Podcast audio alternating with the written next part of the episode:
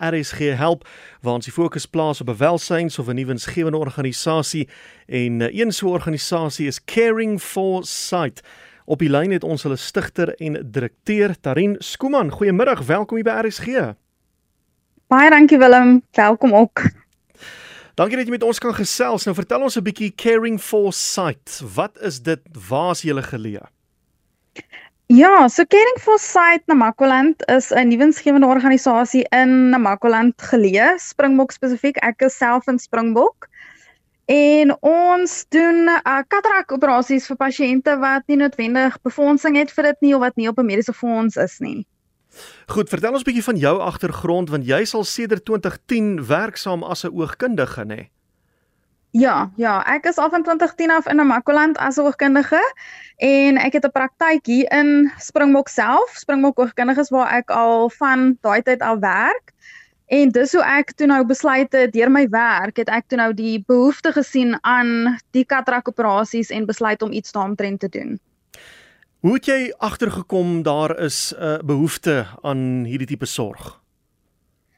Wel, dis al 'n redelike tyd moet ek sê wat ons baie sukkel met katarak pasiënte. Hier's verskriklik baie katarak pasiënte in, in ons area. Dit is maar as gevolg van die vreeslike skerp son hierso en dan natuurlik kry mens ook maar katarakke soos jy ouer word. Mm -hmm. En seker al van 2018-19 af is daar vreeslik baie pasiënte wat in my stoel kom sit met katarakke en ons moet hulle op 'n waglys plaas by die departement van gesondheid vir daai operasies. En die lys raak net langer en langer en langer. Die laaste wat ek nou gehoor het is daar omtrent 2000 mense op die lys en daar's slegs een uh, fasiliteit in die Noord-Kaap wat daai mense kan opereer. So die die oogspesialiste daar verkeer onder vreeslike druk toe het ek al daai tyd gedink 2019 se kant ek wil iets doen om dren die probleem. Dit hmm. dit is baie frustrerend as jy jou werk ordentlik kan doen iemand kom na jou te help en jy moet maar skouers optrek. Toe ek op die ou end van die dag ek dink in 2019 einde 2019 gedink ek wil iets doen. Toe gebeur covid en alles is op sy gesit. Hmm. En ek dink einde 2021, toe is daar een spesifieke pasiënt wat in my kantoor sit, 'n volwasse man wat met katarakke sit, hy's heeltemal blind. Hy word gelei deur sy familie. Hy's heeltemal afhanklik van hulle en die man het in my kantoor gesit en gehuil toe ek vir hom sê ek kan hom ongelukkig nie help nie. En daar het my hart gebreek en ek het besluit ek kan nie langer net stil sit nie en ek het besluit om Caring for Sight te stig. En hoe help die organisasie wat jy gestig het die mense? Op prakties so prakties gesproke. Ja, prakties gesproke ons stuur die pasiënte vir daai operasie. Ons het 'n oogspesialis, 'n wonderlike oogspesialis Dr. Jono Pons wat vir ons help, wat vir ons die operasies gratis doen. En ehm um, hy het vir ons al laas jaar 2022, ons is 'n jaar amper 'n jaar oud, het hy vir ons 49 pasiënte geopereer. Ons uh so ons verskaf jy befondsing om te betaal vir hmm. al die goed wat tydens die operasie gebruik moet raak en hy soos ek sê hy gee sy gee sy tyd vir ons en sy kennis. En is hy in die privaat praktyk? Hy is in privaat praktyk, maar hy is in Swaziland. So hy Ooh. kom al die pad al die pad Appington toe ons tans opereer ons in Appington. Goed. So hy kom al die pad van daar af deur om vir ons te kom help. Goed, so die een en enigste staatsinstelling in die hele Noord-Kaap wat hierdie ding kan doen is in Kimberley, neem ek aan. Kimberley, ja. En ja. hulle het 'n waglys van omtrent 2000. Jy het besluit dit kan ja. nie so aangaan nie. Jy het hierdie dokter van Swaziland in die hande gekry en hoe gereeld kom hy na Appington om hierdie operasies te doen? Wel, hy kom elke paar maande. Laas jaar het hy seker so 5, 6 keer deurgekom, dan opereer hy nou, ek dink die laaste keer was nou middel Desember, toe was ek self ook in Appington om te gaan kyk hoe hulle als doen. En ehm um, hulle het seker daai dag so net oor die 60 mense gedoen. Dis dan nou jo. mense oor die hele oor die hele streek wat dan nou ook ons pasiënte insluit. So verduidelik ons net bietjie die wetenskap van van 'n uh, katarak en so 'n operasie. Ehm um, want heel duidelik as jy 60 op 'n dag kan doen, is nie so ernstig nie, dis net om iemand te kry om dit te doen.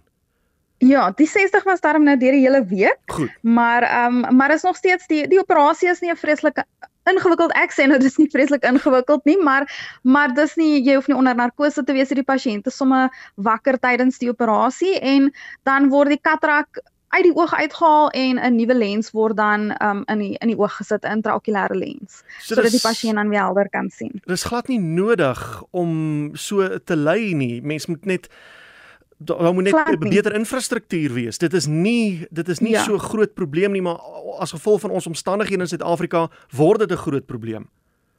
Ja, presies as jy dit opsom. Goed, my jene.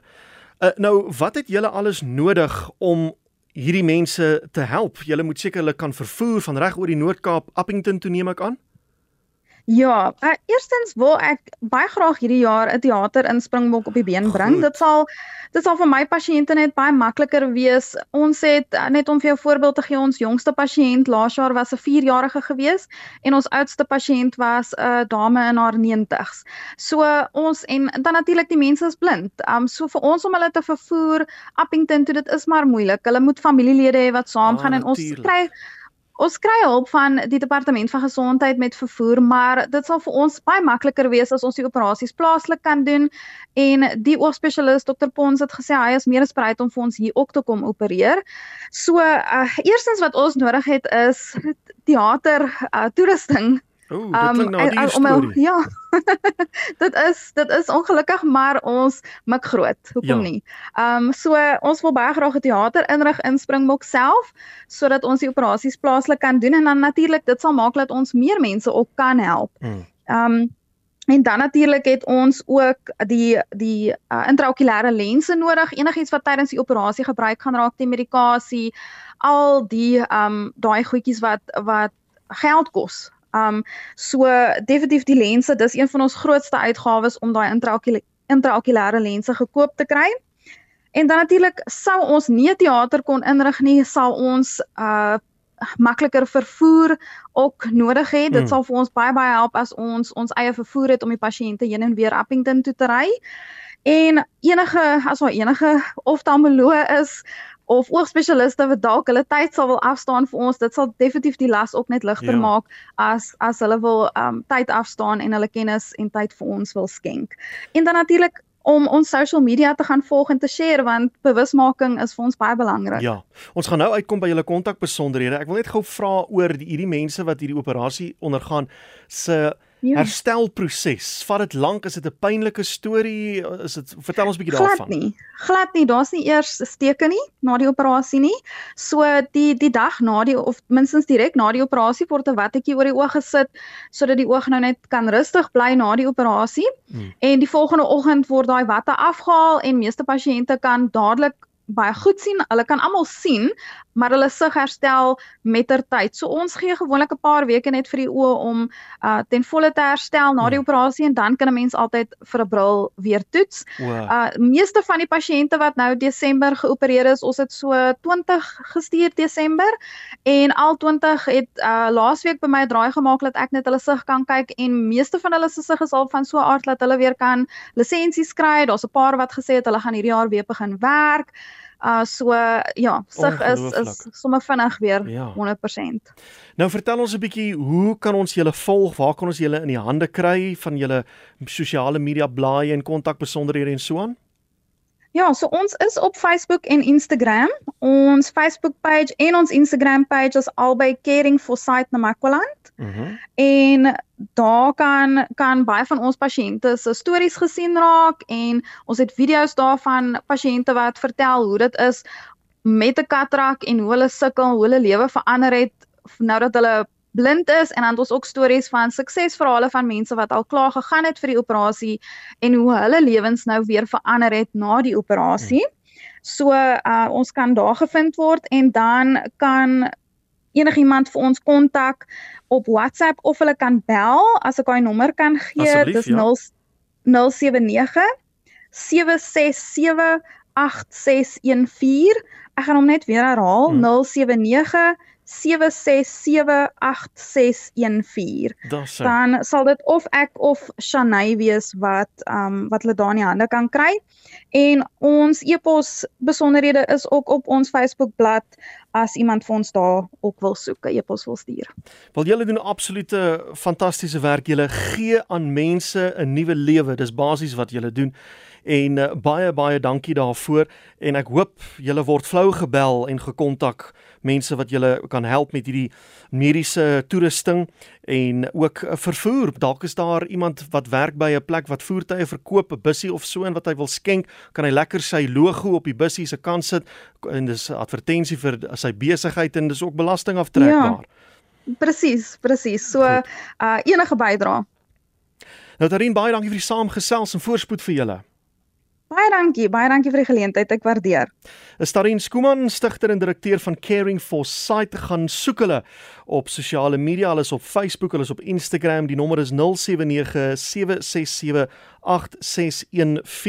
en vind uit wat hulle nodig het, hoe jy kan help en op die oomblik op ons Twitter profiel by ZARSG is daar 'n video van 'n dame wat pas 'n operasie ondergaan het en sy kan vir die eerste keer in 3 jaar weer sien gaan kyk gerus na daardie video. Dis hartvermurwend. Gaan soek hom daarso by ZARSG. Ek het hom ook gehertweet op my profiel by Willem Pelser RSG en gaan kyk self wat beteken so 'n operasie vir iemand. Gaan kyk na daardie video op uh, by ZARSG.